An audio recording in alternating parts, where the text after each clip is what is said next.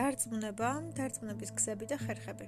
ადამიანები და ადამიანი ყოველთვის ცდილობდა და ცდილობს, რომ მეორე ადამიანი გადმოიყვანოს თავის ჭკუაზე, თავის აზრზე, თავის შეხედულებაზე და ასე ვთქვათ, მოახვიოს თავისი აზრები, ან გავლენა მოახდინოს, ემოქმედება მოახდინოს და იმოქმედოს მასზე, მის ემოციებზე, მის განწყობებზე.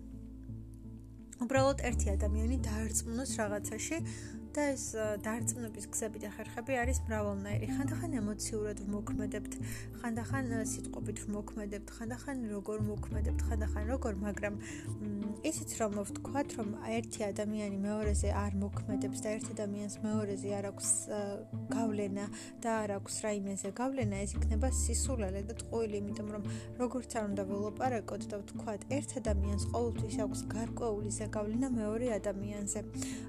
ადამიანები ადამიანები, რომლებთანაც გვაქვს ხშირი კონტაქტი, ხშირი კავშირი და ხშირი ურთიერთობა,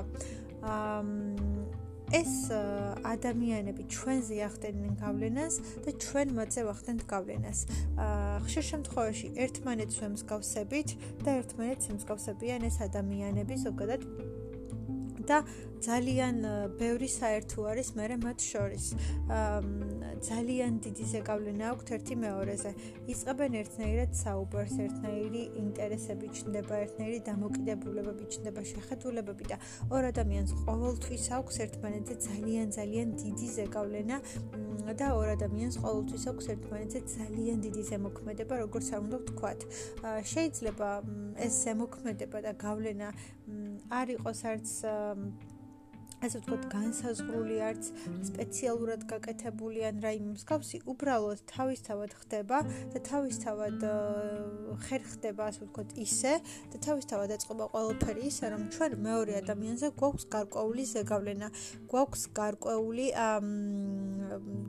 გარკვეული ეფექტი, ზემოქმედება, არ ვიცი, რაღაცა გავლენას ვახდენთ მეორე ადამიანზე და ხშირად ის იმას აკეთებს, რაც ჩვენ გვინდა. ხანდახან მართლაც ემოციური ძალადობა არის ეს, ოღონდ ძალადობა უხეში ფორმით, არა უბრალოდ აი რაღაცნაირად ჩვენ მასზე ზემოქმედებთ და ხანდახან ზუსტად ვიცით ხოლმე რა უნდა ვთქვათ, რა უნდა ვუთხრათ, რა უნდა გავაკეთოთ, რომ მან ის გააკეთოს, რაც ჩვენ გვინდა. ან ზოგადად როგორ უნდა დავარწმუნოთ მეორე ადამიანი, რომ გააკეთოს ის, რაც ჩვენ გვინდა და ქნას ის, როგორც ჩვენ გვინდა და რაც გვინდა და რაც ასე ძალიან გსურს. და ეს ემოქმედების ფორმები და გზები და ხერხები არის ძალიან განსხვავებული და არის მართლა სხვადასხვა. და უბრალოდ ეს გავლენა თავისთავადაც ხდება ჩვენი ზედმეტი მონდომების, ჩვენი ზედმეტი ჩარევის, ჩვენი ზედმეტი აქტიურობის გარეშე ეს თავისთავად ხდება, როდესაც ორ ადამიანს აქვს ერთმანეთთან ურთიერთობა, ისინი ერთმანეთზე ზემოქმედებენ, გავლენას ახდენენ, უცბად იწყებენ ერთი ფილმების ყურებას, ერთი წიგნების კითხვას, ერთნაირად ფიქრს, ერთნაირად აზროვნებას. ნუ აქ იმასაც გააჩნია ამ ადამიანთან რაიმე კავშირი გვაქვს თუ არა, ყველასთან არ ხდება, მაგრამ გარკვეული გარკვეული ზემოქმედება მაინც არის. აა ისიც კი, როდესაც რაღაცას ვუყურებთ, თან ვიღაცას ვუყურებთ, შეიძლება უნებლიეთ და ძალიან უნებურად გადავიღოთ მათი ლაპარაკის სტილი, მათი რაღაც მანერები, მათი ქცევები. აი, ეს ყველაფერი და ეს მაშინ არ ხდება, როცა ამ ადამიანთან ძალიან უმეგობრობთ, თან ძალიან გვიყვარს, შეიძლება უბრალოდ მასთან ყოველდღიური ურთიერთობა გვიწევდეს და თავისთავად მოხდეს ისე, რომ ჩვენ მათი ქცევები გადავიღოთ, ჩვენ მათი მეტყველების სტილი გადავიღოთ, რაღაცა ყოველ შემთხვევაში მივ ვიბაძოთ და რაღაცნაირად თითქოს ვეცადოთ, რომ რაღაც მისნაირი გავხდეთ და ცხოვრების მანძილზე ასეთი გამოცდილება არის ძალიან ბევრი. შესაბამისად, როგორც არ უნდა ვილაპარაკოთ, რომ ვიღაცა ვიღაცაზე გავლენას არ ახდენს, ეს არის სისულელე. იმიტომ რომ როცა ორ ადამიანს აქვს ერთმანეთთან ურთიერთობა, ისინი თავისთავად ახდენენ ერთმანეთზე გავლენას და ზემოქმედებას. ისინი თავისთავად ხდება და თავისთავად გამოდის ისე, რომ mm, გარკვეული ისე გავლენა და გარკვეული სამოქმედება მათ აქვთ ერთმანეთზე და ისინი აუცილებლად განაპირობებენ, განსაზღვრავენ რაღაცებს და მათ აქვთ აუცილებლად, აუცილებლად ერთმანეთზე გავლენა. სხვანაირად უბრალოდ არ ხდება, სხვანაირად უბრალოდ არ ხერხდება და ეს ყოველთვის ასე არის, იმიტომ რომ წარმოუდგენელი და შეუძლებელი არის სხვანაირად, როცა ორ ადამიანს აქვს ერთმანეთთან ურთიერთობა, ისინი განსაზღვრავად თუ განუსაზღვრავად ერთმანეთზე სამოქმედებენ და ერთმანეთში რაღაცებს ცვლიან. და ხანდახან ერთმანეთს ბაძავენ, ან ერთნაირად რაღაცის კეთებას იწყებენ, ან ერთი რაღაცით დაკავებას იწყებენ, ხანდახან აიძულებენ, ოღონდ ეს იძულება იძულება არ არის, უბრალოდ აი რაღაც გავლენა აქვთ მათზე და თითქოს აი მოითხოვენ, სთხოვენ და რაღაცნაირად აიძულებენ, რომ ის გააკეთონ, რაც მათ სურთ, მაგრამ ამის გარდა ზოგადად ადამიანმა რამდენიმე საფეხური გაიარა თუ მოიფიქრა იმისათვის რომ როგორ ეიძულებინა მეორე ადამიანი რომ გააკეთოს ის რაც მას სურს. ამ შემთხვევაში უფრო მეტად იძულებაზე არის საუბარი და არა იმაზე რომ გავლენას ვახდენს ერთმანეთზე და ეს როგორი კარგია. იმიტომ რომ გავლენა ხანდახან არის ძალიან კარგი პოზიტიური, იმიტომ ჩვენ დადებით გავლენას ვახდენთ მეორეზე. თუ ამით ვზრდით, მეორე ადამიანს რატომაც არა, თუ მაგალითად უცბად გაიჩნი ახალი მეგობარი ან ახალი ნაცნობი, რომელიც შენზე მეტნაკლებად რაღაცერად ზემოქმედებს. ადამიანი, რომელმაც დაგაწყაბინა კითხვა, დაგაწყაბინა უფრო კარგად აზროვნება. მაგალითად, იყავი დეპრესიული ადამიანი და უცბად ძალიან პოზიტიური აზროვნება დაიწყე და რაღაცა შეცვალა ამ ადამიანმა შენში და რაღაც გადაასხვაფერა და შენ თითქოს რაღაცნაირად ნელ-ნელა საფეხურ საფეხურ ასე ვთქვათ, მაგრამ უკეთესი ხდები. თუ შენ დაიწყე კითხვა, რაღაცის სწავლა, რაღაცით დაინტერესება, საინტერესო ფილმების ან რაღაცა ინფორმაციის ნახვა, მოძიება, ან რაღაცის ყურება და ეს ყველაფერი შენ გზრდის და ვითარდები, ამ შემთხვევაში როგორ შეიძლება ვთქვათ, რომ ეს გავლენა, ეს გავლენა არის ცუდი. უბრალოდ მთავარი კიდევ არის ერთი რამ, რომ მთელ ამ პროცესში და მთელ ამ ყველაფერში არ დავკარგოთ საკუთარი თავი.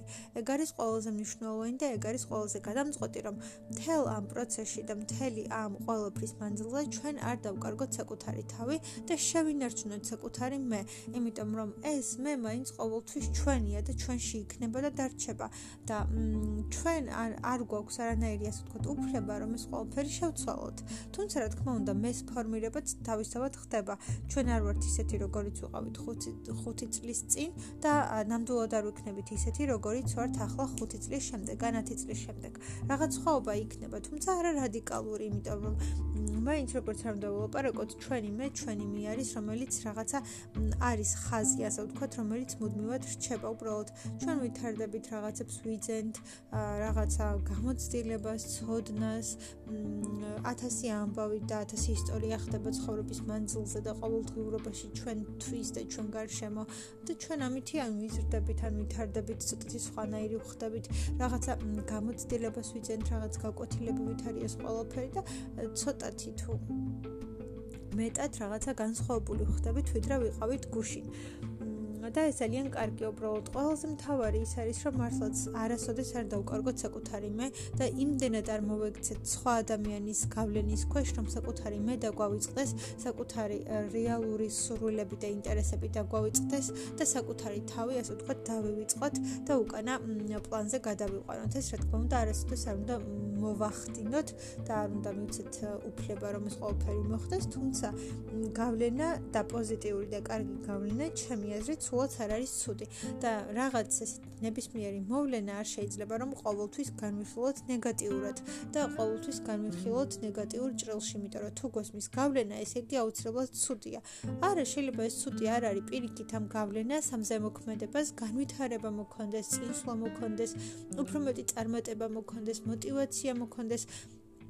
როგორ შეიძლება რომ ვთქვათ და როგორ შეიძლება რომ ითქვას რომ ასეთი ზეგავლენა არის ცუდი, როცა ამ ყველაფერს ჩვენთვის და ჩვენი ცხოვრებისთვის მხოლოდ კარგი მოაქვს, მხოლოდ წინსვლა მოაქვს, მხოლოდ განვითარება მოაქვს და მხოლოდ სასიკეთო სიახლეები შემოაქვს ჩვენ ცხოვრებაში. ასეთი განვითარება, რა თქმა უნდა, ვერ იქნება ნეგატიური და ვერ იქნება ცუდი, იმიტომ რომ ეს არის კარგი ჩვენთვის და ჩვენი მომავლისთვის, ასე ვთქვათ. მაგრამ თვითონ ის როცა მართლაც ადამიანს სურს რომ იმოქმედოს მეორე ადამიანზე ამ მოიფიქრა ადამიანმა რამდენიმე გზა და საშუალება. ანუ ეს არის პირობა. ერთ-ერთი არის პირობა. როდესაც ადამიანს ვადებინებთ პირობას ამით რაღაცნაირად იძულებულს ხვდით და ვაიძულებთ, ზემოქმედებთ და რაღაცნაირად ხო ვაიძულებთ, რომ შეასრულოს მან თავისი სიტყვა და შეასრულოს თავისი პირობა. და ზუსტად ეს პირობა არის, ასე ვთქვათ, იმის მანიშნებელი, რომ ჩვენ გავაკეთებინოთ მეორე ადამიანს ის, რაც ჩვენ გვსურს. ვადებინებთ მას იმ პირობას, რომელიც ჩვენ გვინდა რომ მოხდეს, შესრულდეს და რაც გვინდა რომ მივიღოთ და შემდეგ რაღაცნაირად ვაიძულებთ ამ პირობის საშუალებით, რომ მან გააკეთოს ის, რაც ჩვენ გვინდა და რაც ჩვენ გვსურს. ну ეს პირობა და დაპირება, ну პირობა, პირობის დადება, ან რაღაცის დაპირება, როცა გვპირდება, ან როცა ვიტყვით რომ დამპირდი რომ ამას იზამ და დამპირდი რომ ამას გააკეთებ, ну პირობის დადება შეიძლება კიდევ უფრო მეტად სერიოზული და ოფიციალური ოფიციალურიც იყოს, მაგრამ ну დაპირება შეიძლება უბრალოდ რაღაცას ესე ზეპირ სიტყვიერადაც ასე ვთქვათ, დავპირდეთ უბრალოდ ზეპირი ფორმით რომ მას გავაკეთებთ. პირობა შეიძლება გაფორმებულიც კი გქონდეს ხანდახან, ხო? აა ფიცი და ნუ ერთ-ერთი მაგალითი შეიძლება იყოს საქორწინო ფიცი, როდესაც მეორე ადამიანს ფიცვადებინებთ და ფიცვადებინებთ ფაქტობრივად მთელ ცხოვრებაზე, რომ ის აუცილებლად იქნება ჩვენი ერთგული და ჩვენთან და ჩვენ გვერდის გვერდით მუდამ და ყოველთვის და არასოდეს არაფრის დიდებით არ მიგვატოვებს. და ფაქტობრივად ვეუბნებით ამით, რომ მან უნდა მიიღოს მთელი თავისი დარჩენილი ცხოვრების გადაწყვეტილება, რომ ის ყოველთვის იქნება აქ და ახლა. რაც მე პირადად ცოტა usამართლობად მეჩვენება და მიმაჩნია, იმიტომ რომ ჩვენ ერთადერთი რაც ვიცით, მოცემულობა არის დღევანდელი დღე. როგორები ვართ, რანაირები ვართ, რას ვგრძნობთ, რას განვიცდით. რა ხდება ჩვენ ცხოვრებაში?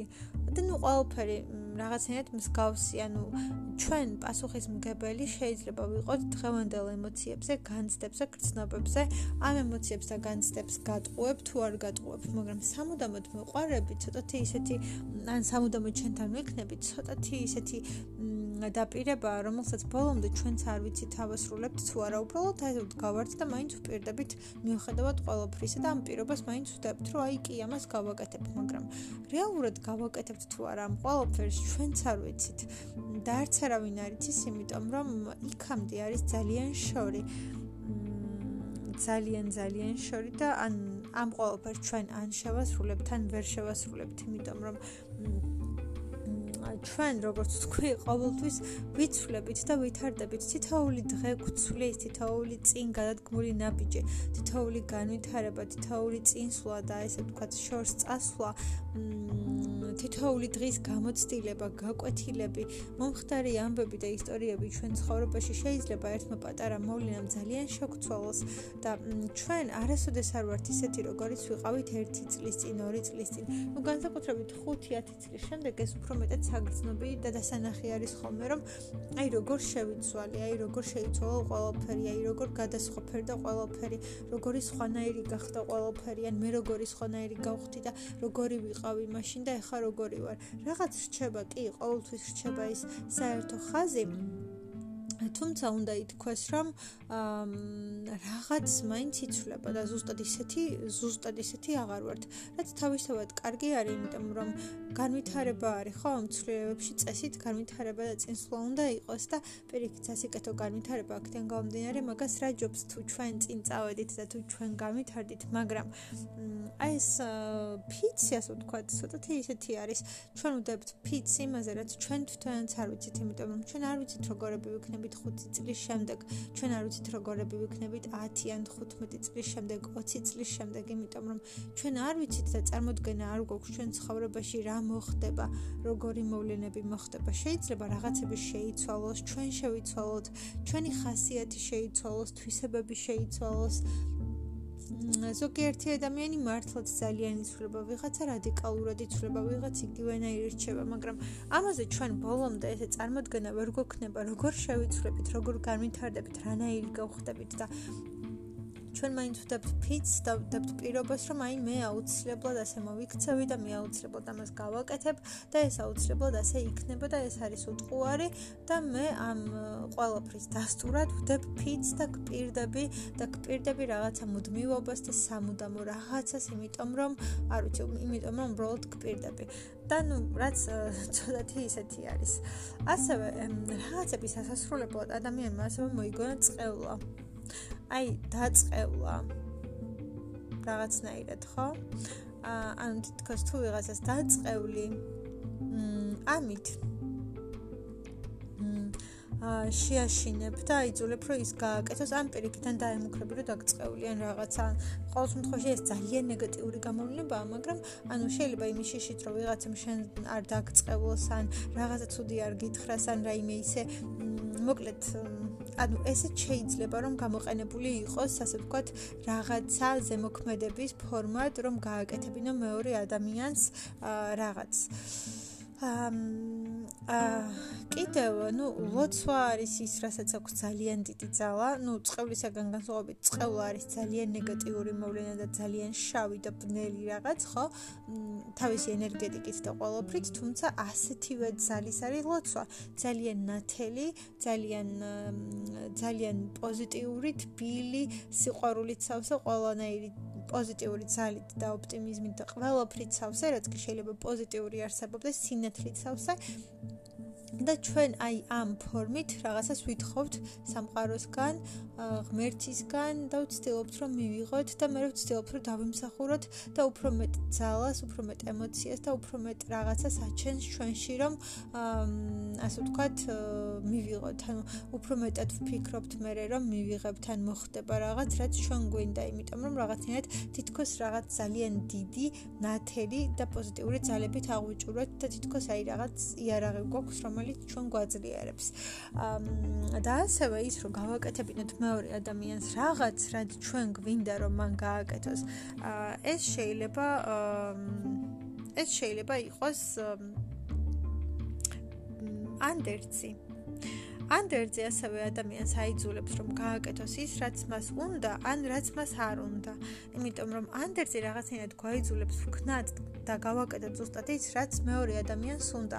და თან ეს ძალიან ზემოქმედებს ჩვენზე იმიტომ რომ შეიძლება ადამიანის უკანასკნელი სურვილი იყოს და რაღაცნაირად არ შეგვიძლია რომ გადავიდეთ და გადავლახოთ იმიტომ რომ თითქოს ამის შემდეგ ყოველფერი ცუდი დაგვემართება და ყოველფერი საშინელებო და ცუდი მოხდება თუ ჩვენ ამ ყოველფერს არ შევასრულებთ. და ესეც არის ერთ ერთ-ერთი იძულების ფორმა, რომ მეორე ადამიანს გავაკეთებინოთ ის ყველაფერი, რაც ჩვენ გსურს და გვინდა რომ გააკეთოს.